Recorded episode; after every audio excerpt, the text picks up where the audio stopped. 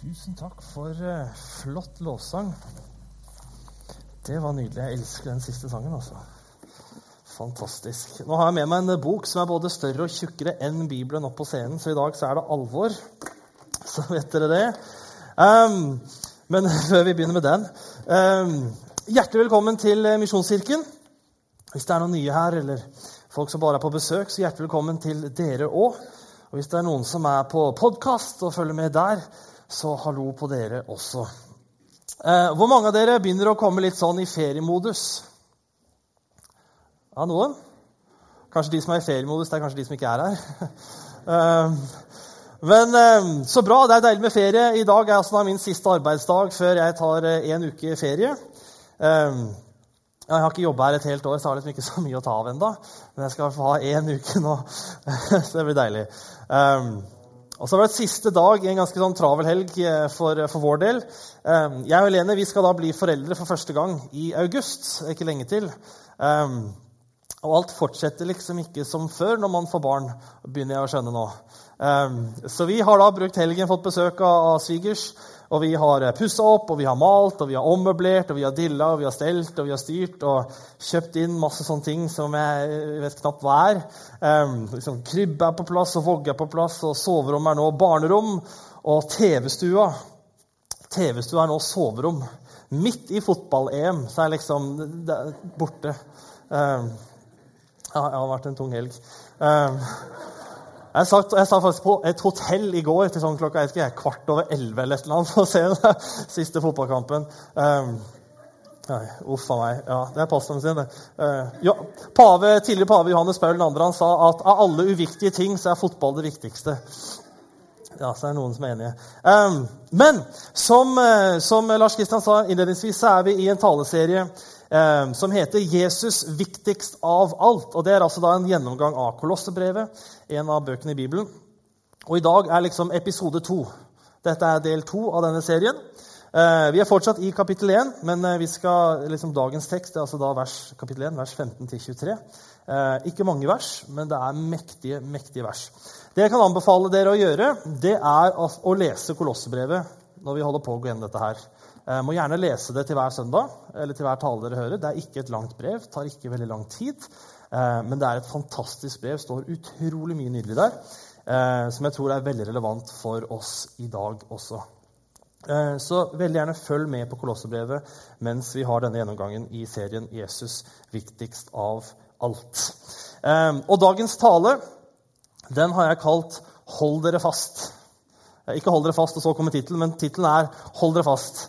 Um, og sånn som gangen blir litt i dag, så skal vi snakke litt om disse kolosserne som uh, Paulus skriver til. Hvorfor i verden skriver han til de? Og så skal vi se litt på hva det er han skriver, da, disse versene som jeg nevnte i begynnelsen. Og så til slutt hva har dette å gjøre med deg og med meg? Så hvorfor skriver han, hva skriver han, og hva har det å si for oss? Vi skal få et kart opp på skjermen her.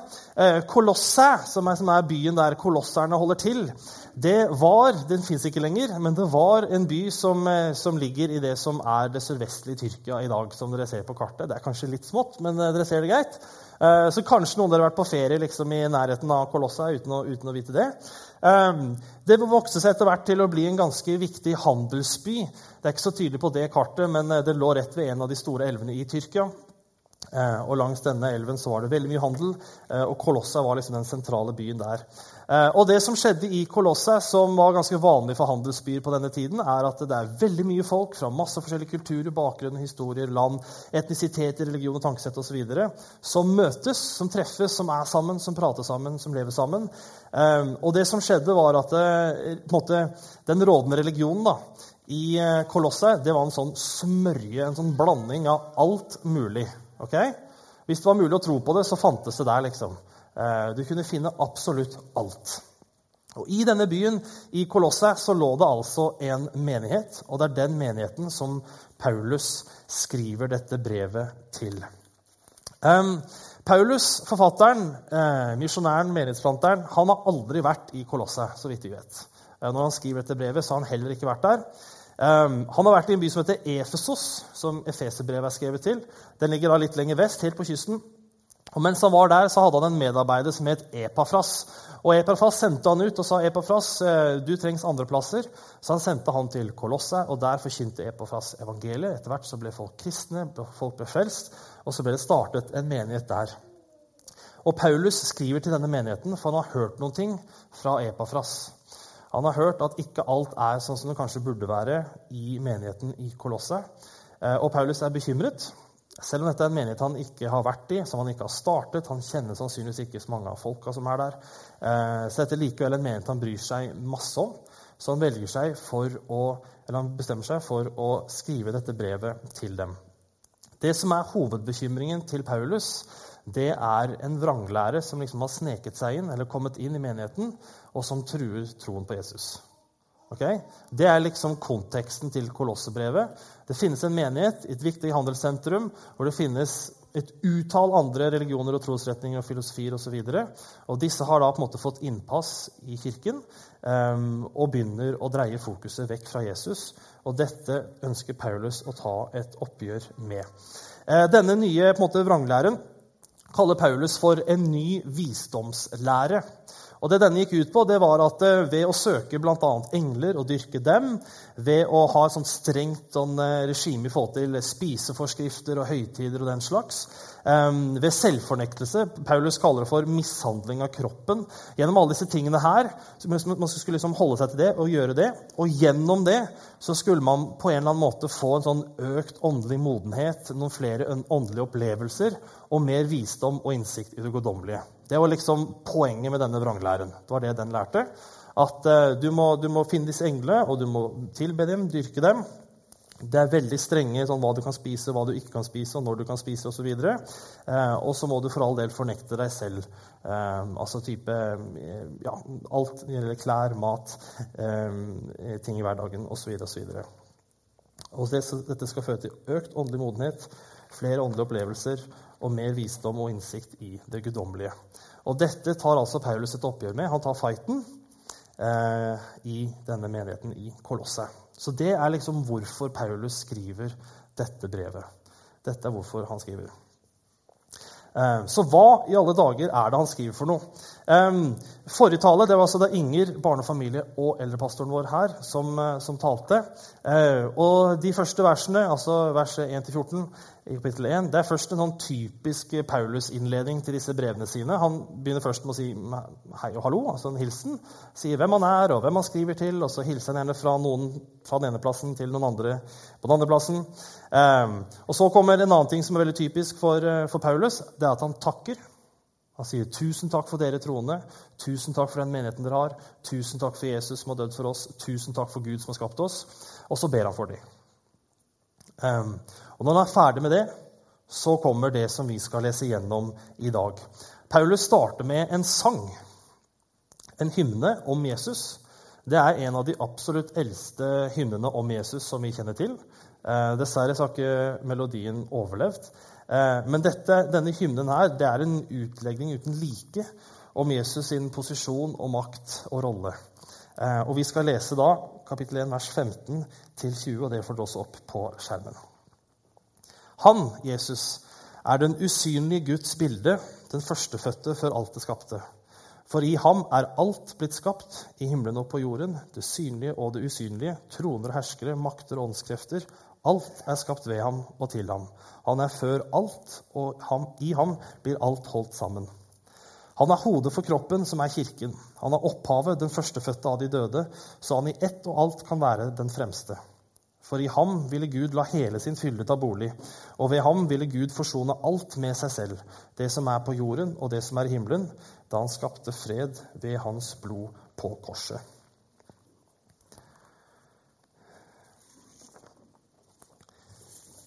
Denne sangen, denne hymnen som Paulus leser, eller skriver, mener jeg, ehm, den gir ikke rom for noe eller noen som kan være foran, over, før, større, bedre, mer enn Jesus. Denne hymnen her setter Jesus før alt, over alt og mer enn absolutt alt. Um, det er en walisisk teolog som heter Matthew Henry. Eh, og Matthew Henry han, eh, han levde mot slutten av 1600-tallet, begynnelsen av 1700-tallet.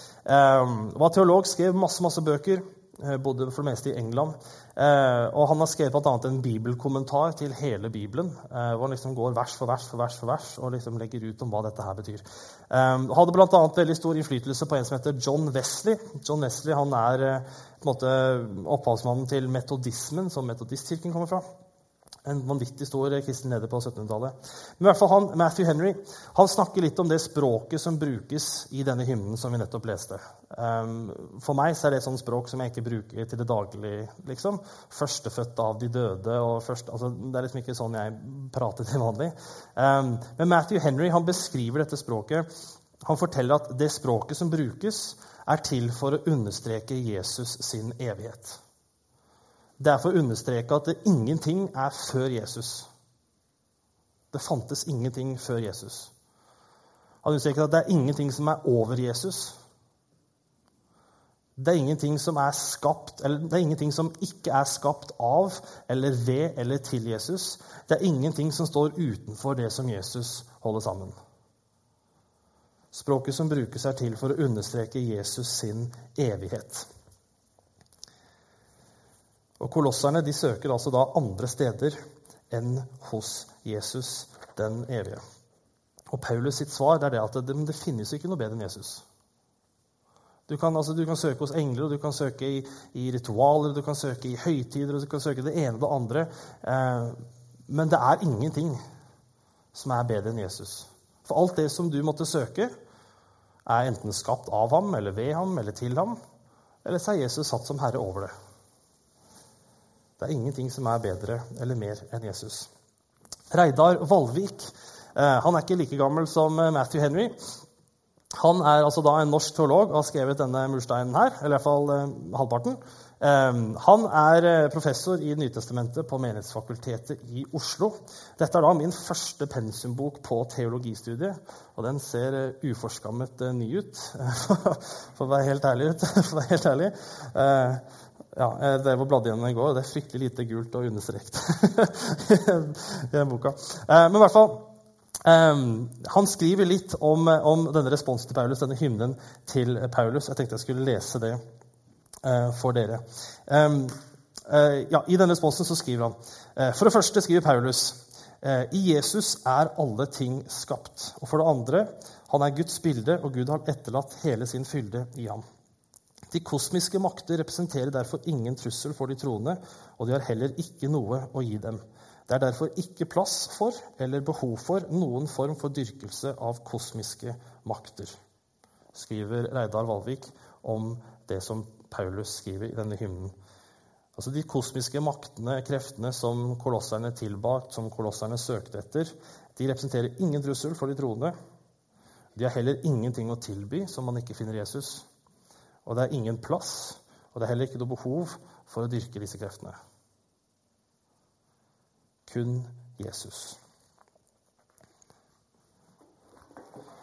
Om man søker etter det guddommelige, det evige, det sanne, så er det kun vellykket om man søker det gjennom Jesus, som er den guddommelige og evige sanne Guds bilde.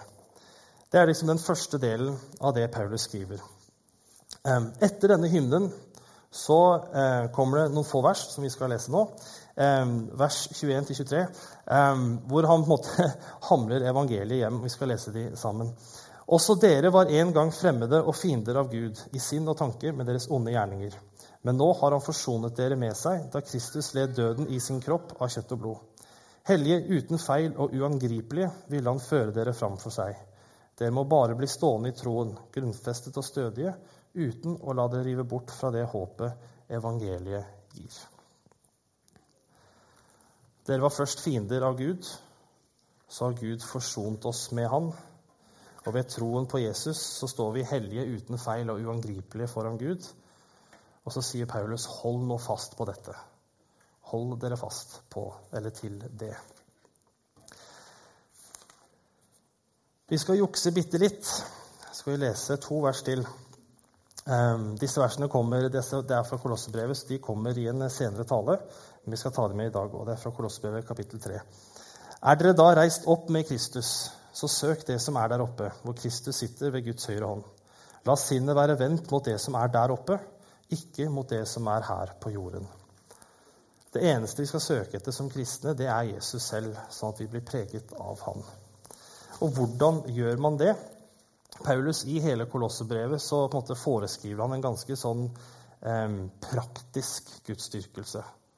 Eh, veldig, veldig praktisk, og for så vidt eh, Det høres iallfall veldig enkelt ut òg. Eh, og det det går ut på, er at eh, vi må legge vekk avgudsdyrkelsen vår. Og det handler ikke bare om å søke etter engler eller kosmiske krefter, men det handler om alt som vi gjør til Gud. Om det er oss selv i det samfunnet vi lever i i dag, så er det ofte vi som skal være Gud, det er vi som skal være herre i våre liv. Det er vi som skal måtte, sette premissene for hva som er rett og galt, og det er vi som skal sette premissene for hva som er godt og ondt, og det er vi som skal bestemme hva som er sant og ikke sant. Ehm, for andre så kan en gud være, eller en avgud være rikdom, f.eks. Det er penger som styrer alt. Det er penger som styrer om jeg har det bra, og det er penger som styrer om jeg har det kjipt. Og det er penger som styrer hva jeg gjør med tiden min. Det er penger som, eh, som bestemmer hvordan jeg behandler andre mennesker. Og det Paulus sier, at vi må legge vekk den avgudsdyrkelsen. Vi kan ikke dyrke noe annet som Herre annet enn Jesus. Vi må legge bort all urenhet, all synd, og vi må legge bort vår egoisme. Vi har en eh, enorm tendens til å si 'meg først', 'jeg først', og tenke på oss selv i første rekke og tenke på alle de andre etterpå, eller kanskje ikke i det hele tatt. Så Paulus sier vi må legge vekk avgudsdyrkelsen, urenhetene og egoismen, og så må vi leve i kjærlighet med våre medmennesker. Det er på en måte Paulus sin gudsdyrkelse. Lev i kjærlighet til dine medmennesker. Så har han masse beskrivelser på hvordan det ser ut. Ehm, men lev i kjærlighet til dine medmennesker. um, hva har alt dette å si for meg? Hva har denne liksom, hymnen som, eh, som, Paulus skriver om Jesus sin evighet, om hans makt, om hans posisjon um, Hva har det å si for oss i dag? Um, jeg tror at vi kan være litt som kolosserne av og til. At vi søker etter ting som ikke er Jesus, og at vi søker ting andre steder enn hos Jesus. Um, jeg fortalte litt at, uh, i begynnelsen at vi har flyttet den uh, kjære TV-stua vår opp på loftet, og nå er det heller ingen TV der. Uh, og at det er midt i fotball-EM. Jeg er veldig fotballinteressert. Jeg syns det er veldig gøy. Jeg følger med. Og bare sånn, misforstå meg rett, det er ikke galt å se fotballkamp. Men jeg er en som på en måte kanskje kan ha en tendens til å se noen kamper mer enn jeg trenger å se. Um, jeg, kan, jeg, kan, godt se alt, liksom. Sånn, det, jeg kan snakke om det hele tiden, og jeg kan følge med på alle ligaene og liksom lese meg opp på alle spillerne og få med meg hvem som blir kjøpt og solgt. Og liksom, jeg elsker det. Det er, å, det er fantastisk. Um, men spørsmålet er om det går litt for langt. da. Om jeg har blitt en liten kolosser. Um, om jeg er der jeg søker jeg ikke, lykke kanskje, eller glede eller noe sånt. En liten sånn en boost. liksom, ah, 'Laget mitt vant.'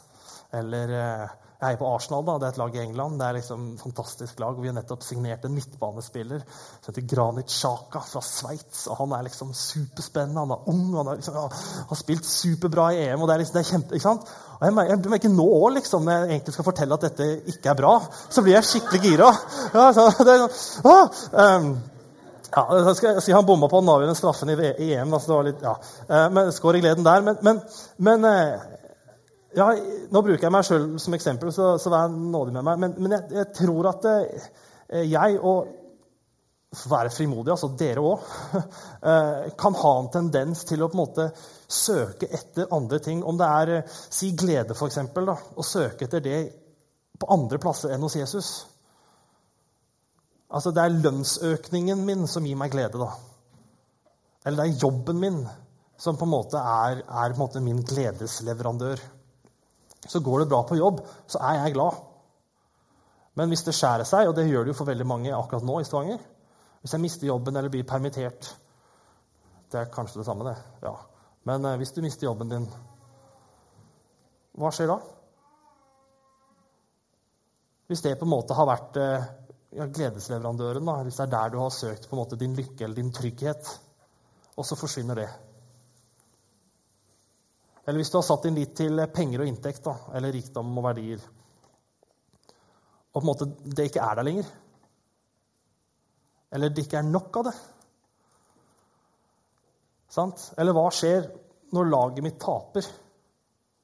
Arsenal vi lå an til å vinne liksom hele ja, serien, ligaen, i England i den sesongen som nettopp ble avslutta. Vi lå så vanvittig godt an. Og så ble vi knust av et sånn jallalag fra Leicester som bare Ja, ingen stjerne Nei, det var helt tåpelig, liksom. Ja, de sa at det var større odds for at Elvis kom til å bli funnet i live enn at Leicester kom til å vinne serien. Nei, altså, Bookingselskapene hadde lavere odds på at, serien, nei, på at, Elvis ble funnet i live enn at Leicester vant serien. Det er galskap, liksom. Og jeg kjenner at det gjorde noe med meg. altså. Altså, det, det var liksom Det var kjipt. Skal det sies at jeg, jeg har ikke liksom vært deprimert det halvåret. Det har gått dårlig. Det er liksom ikke så galt. Um, men det er klart at jeg er nok skyldig i å, å, å søke en del av min lykke i andre ting enn hos Jesus. Dessverre.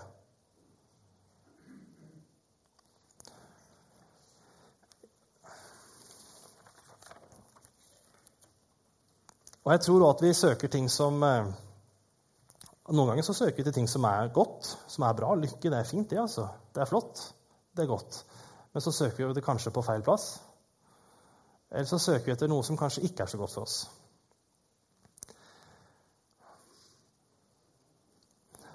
Og eh, som, liksom, som, avslutning så har jeg bare lyst til å eh, gjenta både det Paulus skriver, og som det Reidar Valvik skriver i denne boka, den store fortellingen, som da er liksom kommentar til Bibelen. Noen, hvis noen vil låne den, så må de bare si fra. Det er egentlig ganske spennende. Um, men Jesus er overalt. Han er bedre enn alt, han er større enn alt, han er mer enn alt. Um, og vi må søke Han. For der er det alltid nok. Søker du glede andre plasser enn Jesus, så vil det aldri være nok eller aldri være godt nok, eller vil ende opp med å bli skuffet. Hvis du søker rikdom andre steder enn Jesus, så vil du aldri få nok av det. Aldri. Det vil alltid være liksom utilfredsstilt. da.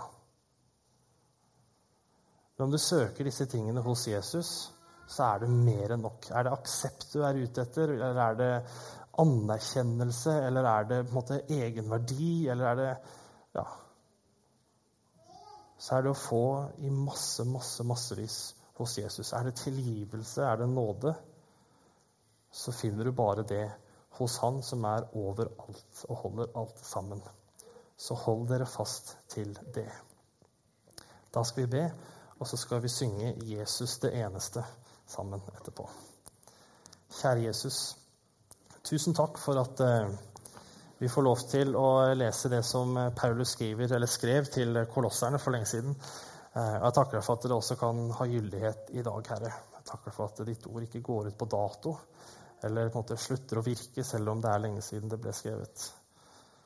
Um, og Herre, du ser også, du ser meg, at, at jeg kan være en sånn en kolosser altså, som, som måtte, er ja, søker etter ting, om det er, det er liksom de store tingene, mening med livet, og sant, lykke og glede og evighet og alt dette her, sannhet At jeg og vi kan ha en tendens til å søke det andre steder enn hos deg.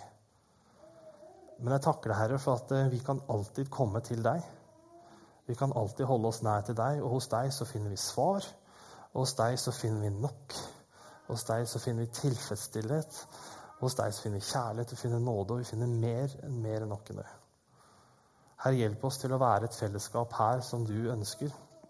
Et fellesskap som lever i kjærlighet med hverandre. Et fellesskap som backer hverandre, som heier på hverandre, som elsker hverandre, som roser hverandre. Et fellesskap som er åpent, som er inkluderende, som er hjelpsomt, som er raust.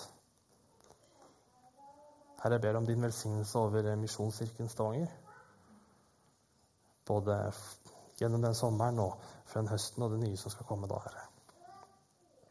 Velsign resten av denne søndagen for oss. Og please, bare please, gi oss litt sol denne sommeren.